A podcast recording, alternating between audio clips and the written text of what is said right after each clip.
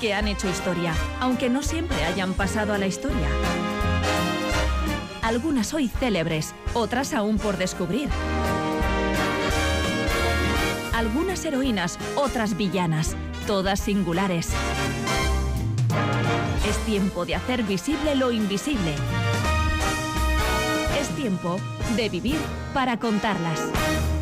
Y en vísperas de San Valentín vamos a repasar la biografía de Corín Tellado, prolífica autora española de fundamentalmente, aunque no solo, literatura romántica o como ella hubiera preferido definirla, novela sentimental.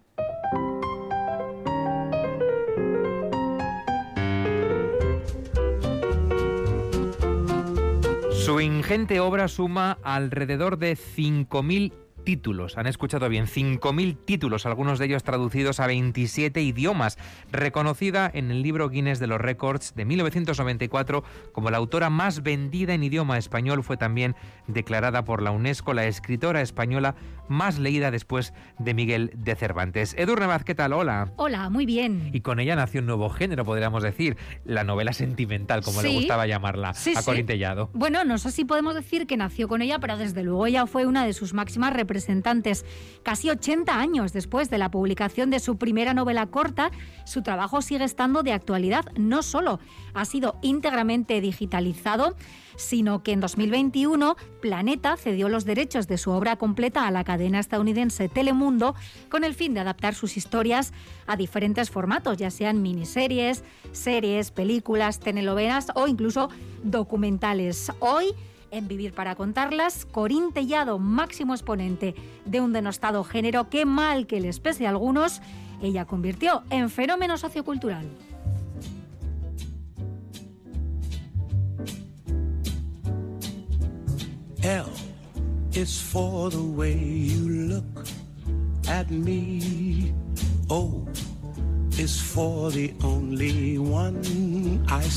Comenzamos a trazar la historia y la vida de María del Socorro Amalia Tellado López. Nació en Vélez, una localidad marinera del concejo del Franco, en Asturias, el 25 de abril de 1927. Fue la tercera de los cinco hijos que tuvieron Manuela, ama de casa, y Guillermo, maquinista naval de la Marina Mercante. ¿Qué más datos se Edurne tenemos de sus orígenes, de Corintellado. Bueno, era ella también la única niña entre sus hermanos y según contó, en un hogar tradicional, producto de su tiempo, se daba prioridad a los varones y esto hizo que se sintiera poco valorada y algo relegada. Socorrín, sobrenombre con el que era conocida en su círculo familiar y que acabaría derivando en ese hoy célebre Corín, era una niña sensible, vergonzosa y tímida que no se sentía demasiado cómoda con la interacción social, como no lo estuvo nunca tampoco con las rígidas convenciones sociales. Fue por ello durante toda su vida una mujer compleja con una mezcla simultánea de conservadurismo y rebeldía, el conservadurismo que la época imponía y que calaba hasta los huesos, especialmente en las mujeres, y la rebeldía que su cuerpo le pedía gritos. En el caso de Corintellado, como otras tantas mujeres que hemos visto en este espacio, no, eh, no fue una luna particularmente eh, aplicada en el colegio, pero en cambio sí que era una lectora eh, voraz. Exactamente. Bueno, eso es algo común, o debería serlo a todos los escritores, ¿no? Y en su caso, en el desván del hogar familiar, dio con un baúl que le abrió las puertas a páginas y páginas de historias que disfrutó una y otra vez. Leyó a Dumas, a Balzac, a Oscar Wilde, a Blasco Ibáñez o a Miguel Delibes. Se identificó con la Celia, nacida de la pluma de Elena Fortún, y tuvo su primer contacto con la literatura erótica a través de Henry Miller, a quien, como luego veremos, acabó haciendo un guiño en el futuro. Ya intuía ella, como años después verbalizó, que si no se lee, no hay imaginación. Una vez finalizada la guerra civil, su padre fue ascendido a primer oficial de máquinas de la Marina Mercante y tuvo que mudarse a Cádiz, donde ella se instalaría también el resto de la familia un año después. Se mostraba introvertida y, bueno, en ese nuevo destino no tenía demasiadas amigas, ¿no? Bueno, ya hemos destacado de Corintellado que su entretenimiento principal o favorito era el de la lectura. Eh, también desde pequeña ¿Escribía? Sí, empezó a escribir muy pronto. Ella creaba realidades alternativas para sus personajes y por extensión también para ella misma. Al poco tiempo, su padre cayó gravemente enfermo y durante las noches en las que lo velaba y cuidaba, le leía algunos de los relatos que había escrito, pero todavía insegura los escondía tras las tapas de otros libros sin revelarle que en realidad eso que le estaba leyendo lo había escrito ella. Quizá recordéis que cuando repasábamos la biografía de Agatha Christie contábamos que la gran dama del crimen empezó a escribir por un desafío que le había lanzado su hermana. Bueno, pues algo parecido ocurrió con Corín Tellado.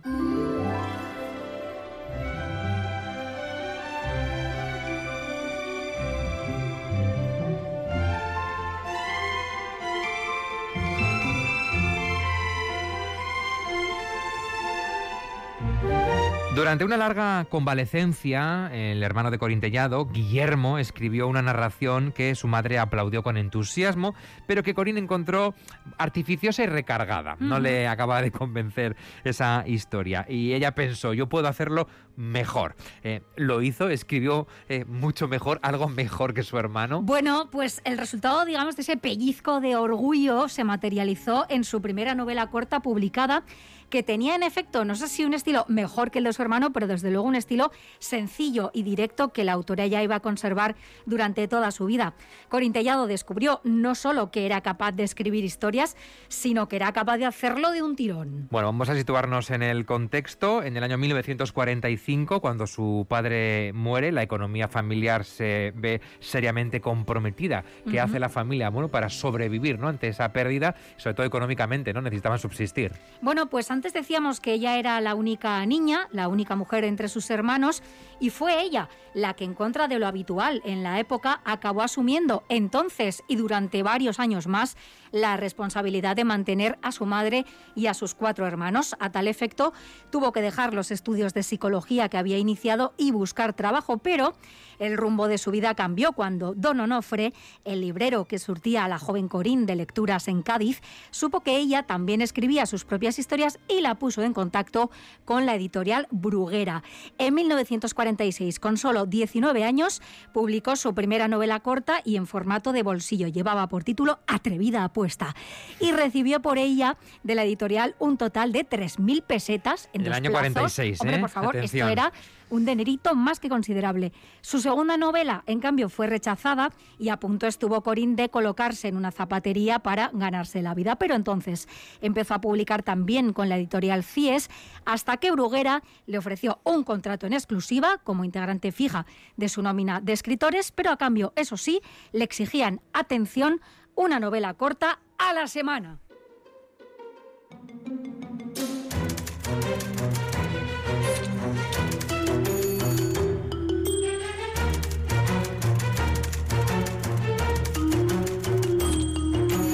Escribir una novela corta, ¿eh? por corta que sea, a la semana, yo creo que es un desafío al alcance de bastantes pocas de muy personas. Pocos, sí, sí. Bueno, pero Corín Tellado presumía de ser capaz de escribir no una novela a la semana, sino dos. Sí, bueno, una en dos días. Era en dos, que también días. Es, es que una, es buena marca. Es una ¿eh? locura, absolutamente. Bueno. Bueno, eh, en cualquier caso, para poder realizar ese trabajo, es decir, escribir hasta eh, una novela en dos días, debía exigir algo más que una desbordante imaginación. Exigía, sobre todo, disciplina. Total. ¿Cómo era la suya? Bueno, durante muchos años su sistema de trabajo consistió en levantarse a las 5 de la mañana y café e incontables cigarrillos en mano, escribir durante unas 10 horas con una breve pausa para desayunar. Tras una necesaria siesta solía dedicar la tarde a corregir, aunque tampoco acostumbraba a perder demasiado tiempo en reescrituras. Ella iba, venga siempre adelante. Le gustaba empezar todas sus historias por el título, antes incluso de tener claro el argumento.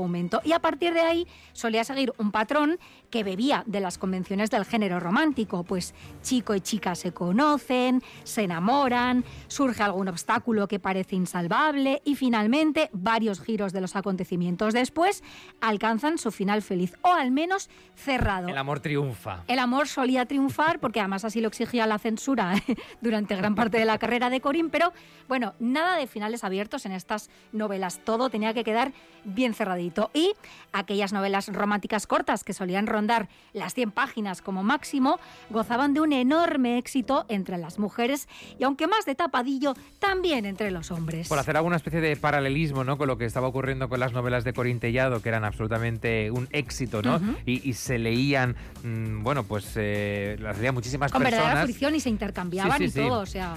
También triunfaban en ese momento, eh, con idéntico formato y publicadas por la misma editorial, las célebres historias del oeste de Marcial Lafuente Estefanía. Por supuesto. ¿eh? Novelas del oeste. Sí, sí, que todavía podemos ver en las ferias del libro antiguo y que también fueron un exitazo. Bueno, muchas personas aprendieron a leer con aquellos injustamente denostados libros y muchas otras que sabiendo leer no estaban particularmente interesadas en hacerlo, pues se animaron también con estos títulos. Y todos ellos y ellas encontraban en aquellas historias, bueno, pues algo de fantasía ¿no? Que pusiera un toque de color a la complicada y gris vida de la posguerra. Y por qué no, también un puntito de sutil erotismo en mitad del puritanismo reinante.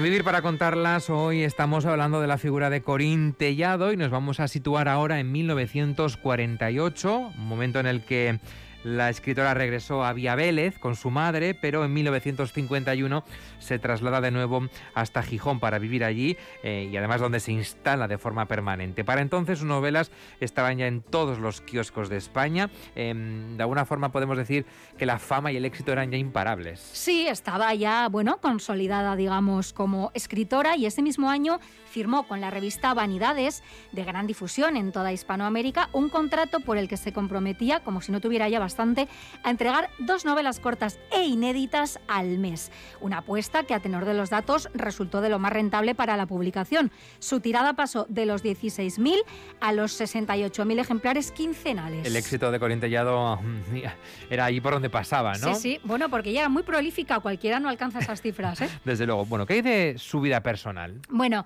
solo se había enamorado una vez de Valentín, que era un hombre con el que estuvo saliendo durante cinco años, era marino, como lo fue el padre de, la escritora, pero era también un hombre muy convencional, al que no le hacía ninguna gracia que ella se ganara la vida como novelista y que aspiraba a que una vez casados, pues aparcara sus ambiciones y se dedicara en exclusiva al cuidado del hogar, algo impensable para la escritora vocacional que Corintellado era. Y al respecto contó después, yo hubiera dejado a cualquier hombre antes que dejar de escribir. Mi amor más importante es el trabajo, mi mayor amor, mi amor verdadero. Finalmente, Valentín se casó con otra y Corín, despechada, se casó con Domingo Egusquizaga, un comercial de aspiradoras alto, guapo, simpático, amable y vasco. Por desgracia, no estaba enamorada de él, dijo, me casé en parte por rebeldía y por dolor. Quería demostrar que no vivía de las apariencias, pero también estaba dolida por el deber de correr con todos los gastos de la familia. Creía que al formar una familia aparte me dejarían tranquila. ¿Y cómo fue ese matrimonio? Ya decíamos, ella no estaba enamorada de él, pero ¿cómo fue en cualquier caso? Pues fue decepcionante, ¿no? Como imagino que cualquier matrimonio sin amor. Tuvieron dos hijos, Begoña y Chomin, pero apenas cuatro años después de su sencilla boda en Covadonga, en un movimiento no solo infrecuente, sino totalmente escandaloso. En pleno 1962, Corintellado decidió separarse de su marido, al que describió como egoísta, obsesivo, celoso, posesivo y con muy poca intención de trabajar. Ella era, de nuevo, el sostén económico de la familia y, por supuesto, también era la que cuidaba de los niños mientras hacía malabares para seguir escribiendo y cumpliendo con sus compromisos profesionales, encerrada en el baño de su casa para que el tecleo de su máquina de escribir no despertara a Domingo. Aunque nunca llegaron a divorciarse, porque en aquel momento, para empezar, ni siquiera era legal, la separación fue definitiva. Hizo falta, eso sí, orden judicial para que él abandonara el hogar conyugal y Domingo intentó que se reconciliaran enviándole un montón de cartas que ella nunca abrió, pero eso sí, de los niños se desentendió por completo. Así que separada y en aquel conservador contexto estigmatizada como madre soltera, Corín siguió adelante como lo había hecho siempre, ganándose muy bien la vida con su disciplinado trabajo. Escribir y escribir, refugiarse en el trabajo. Sin parar, porque en fin, sus plazos eran muy ajustados, ¿no? Y hay que decir que ella nunca volvió a casarse ni a emparejarse, pues por la presión social, por el que dirán, porque pensó ella quizá no era lo más conveniente para sus hijos. Bueno, argumentos tan tristes e injustos como frecuentes, ¿no? Con el tiempo, según confesó después, le pesó no haberse concedido ese permiso. Siendo ya octogenaria, declaró, me olvidé de vivir.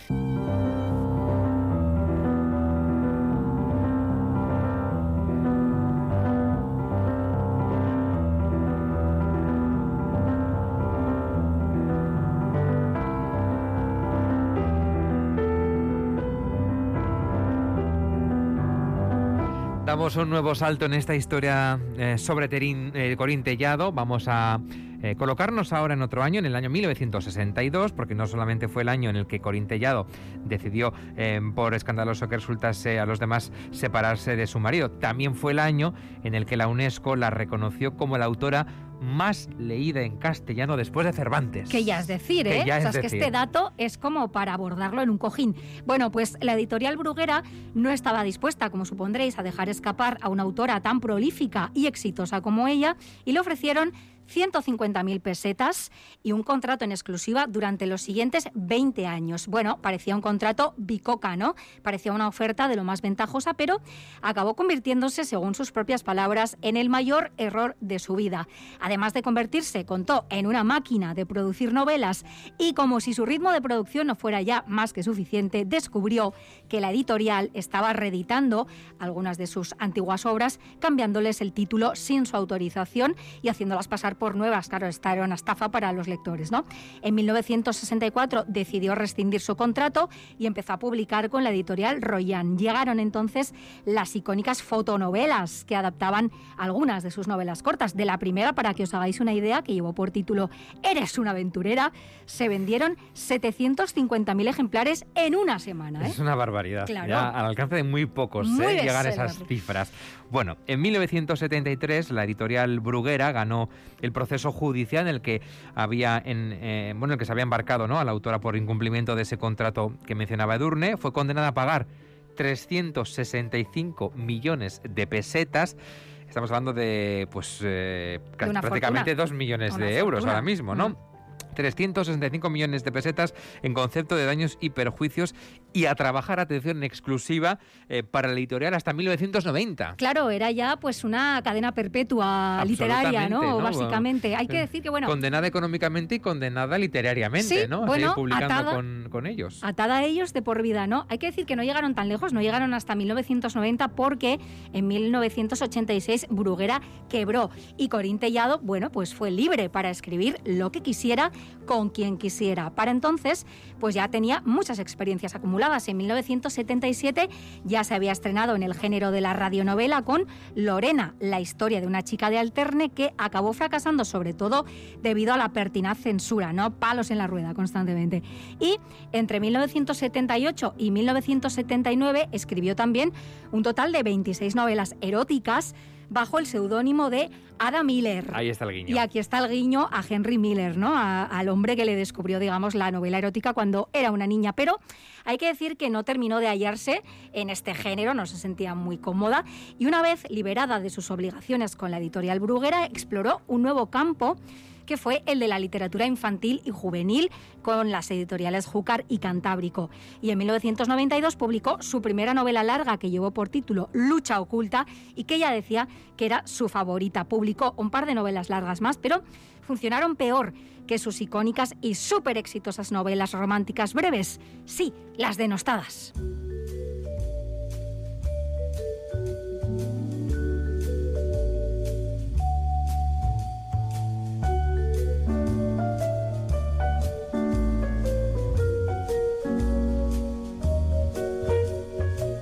Corín Tellado gozó siempre del reconocimiento y la lealtad de sus numerosísimos Em, lectores y lectoras, pero a pesar de ser eso, ¿no? La autora más famosa, prolífica y vendida de la literatura popular española, o quizás precisamente por eso, pues nunca gozó, ¿no? Em, del respeto de la crítica, que a veces suele ocurrir eso, ¿no? Eres superventas, pero los pues expertos literarios te denostan, ¿no? O sea, no, no, no, te tienen en cuenta, ¿no?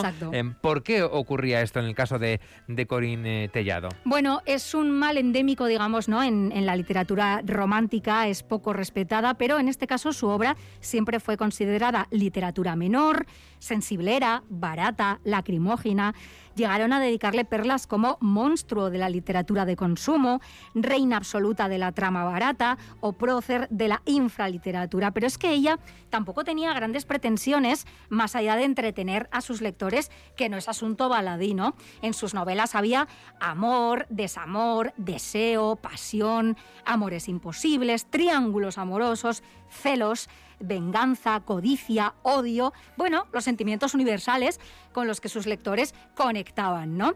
El amor, afirmaba ella, es lo más maravilloso del mundo, pero en su tratamiento literario no intento poner ninguna trascendencia, tan solo intento distraer a la gente, no con situaciones idílicas, sino con la realidad aderezada con un poco de fantasía. Bueno, ella no tenía mayores pretensiones y entretener no es poca Quizás por eso ¿eh? fue tan exitosa. Exactamente. Y lo cierto es que se pongan como se pongan los más canónicos, la literatura romántica, como las películas o las series de televisión del mismo género, siguen siendo imbatibles, ¿no? O pensemos, si no, en éxitos recientes como los Bridgerton, Emily en París, en fin, el género romántico siempre vende. Sí, pero lo, lo curioso de Corintellado es que de alguna forma ella nunca tuvo una intención ¿no? de, de ser aclamada ¿no? por su depurado estilo, por sus eh, historias rebuscadas. ¿no? Lo que eh, ella buscaba o lo que aspiraba era algo mucho más esencial, el reconocimiento, ¿no? ser tratada con respeto. Exactamente, y algo que la crítica y la prensa en general no solía hacer, refiriéndose a su obra literaria siempre pues con ironía, con sarcasmo, cuando no con directo Bueno, en cualquier caso también tuvo sus eh, públicos valedores. ¿Quiénes eran ellos? El más notable probablemente fue el escritor Guillermo Cabrera Infante, que afirmó sin tapujos que la lectura de las novelas de Corintellado, cuando él trabajaba como corrector en la revista Vanidades, en la que ella publicaba, fue determinante en su posterior carrera como escritor. Es célebre también su descripción de Corintellado como la inocente pornógrafa por su capacidad para describir la pasión sin escenas de sexo. Pero es que, claro, ella misma afirmó que no le quedó más remedio, ¿no? Tuvo que hacer ahí. de la necesidad virtud. Y dijo, a insinuar me enseñó la censura, porque decía las cosas claras y eso me lo rechazaban. Hubo meses que me rechazaron hasta cuatro novelas. Algunas venían con tantos subrayados que apenas quedaba letra en negro. Me enseñaron a insinuar, a sugerir más que a mostrar. Aprendí a contar lo mismo, pero con sutileza. Con la llegada de la democracia, hombre, pues esto se fue relajando y ella también fue ampliando los temas abordados en sus novelas, incorporando asuntos todavía muy delicados por aquel entonces como los malos tratos, el divorcio, el aborto, la infertilidad o la emancipación de la mujer. ¿Quiénes más le apoyaban? Pues además de Cabrera Infante, también la halagaron públicamente, por ejemplo, escritores como Francisco Umbral o Mario Vargas Llosa, que viajó desde Perú a Gijón para hacerle una entrevista. Quería conocer a la escritora que vendía más que cualquier otro autor español o latinoamericano, él incluido, como Corín se ocupó de aclarar en una entrevista. ¿no? En 2009, en un texto publicado en El País con motivo de la muerte de Tellado, Mario Vargas Llosa llegó a describirla como el fenómeno sociocultural casi más notable en lengua española desde el siglo de oro, aunque esto, afirmaba él, parezca herejía y lo sea. Desde un punto de vista cualitativo, no lo es desde el cuantitativo, porque ni Borges, ni García Márquez, ni Ortega y Gasset, ni cualquier otro de los más originales creadores o pensadores de nuestra lengua ha llegado a tanta gente ni influido tanto en su manera de sentir, hablar, amar, odiar y entender la vida y las relaciones humanas. Bueno, ahí quedó el halago, pero también se aseguraba Vargas Llosa de dejar claro que él no había leído esas novelas románticas, faltaría más.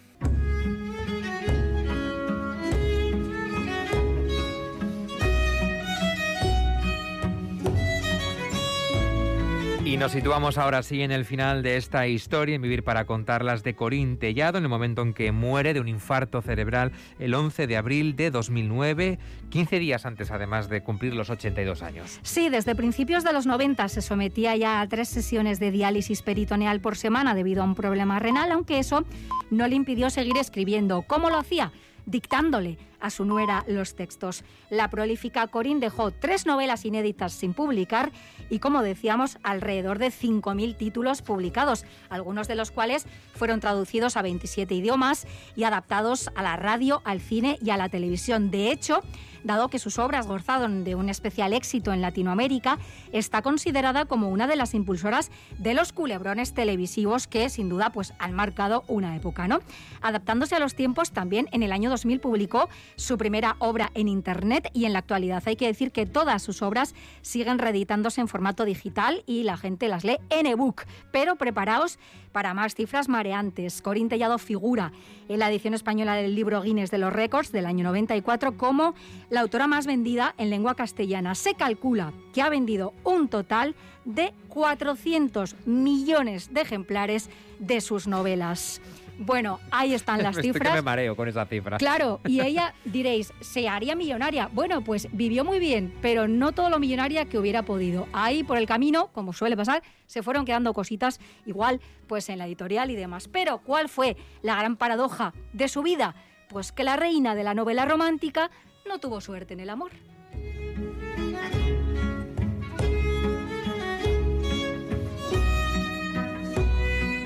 En Vivir para contarlas, eh, Corín Tellado, escritora de novela sentimental, no sabemos si fue la eh, precursora de este género, pero desde luego lo popularizó. Y cuando pensamos en Daniel Steele y las superventas que es, tenemos que decir que Corín Tellado eh, vino antes, que Daniel Steele era Corín Tellado americana. Hombre, y Corín Tellado aquí es una institución, esto hay que reivindicarlo. 400 millones de ejemplares vendidos de sus novelas, que se dice pronto, ¿eh? Ese- ese- esa hazaña está al alcance de muy pocos. Pero bueno, a los pocos que escriban dos novelas a la semana o, Absolutamente. en fin, es que estas cifras...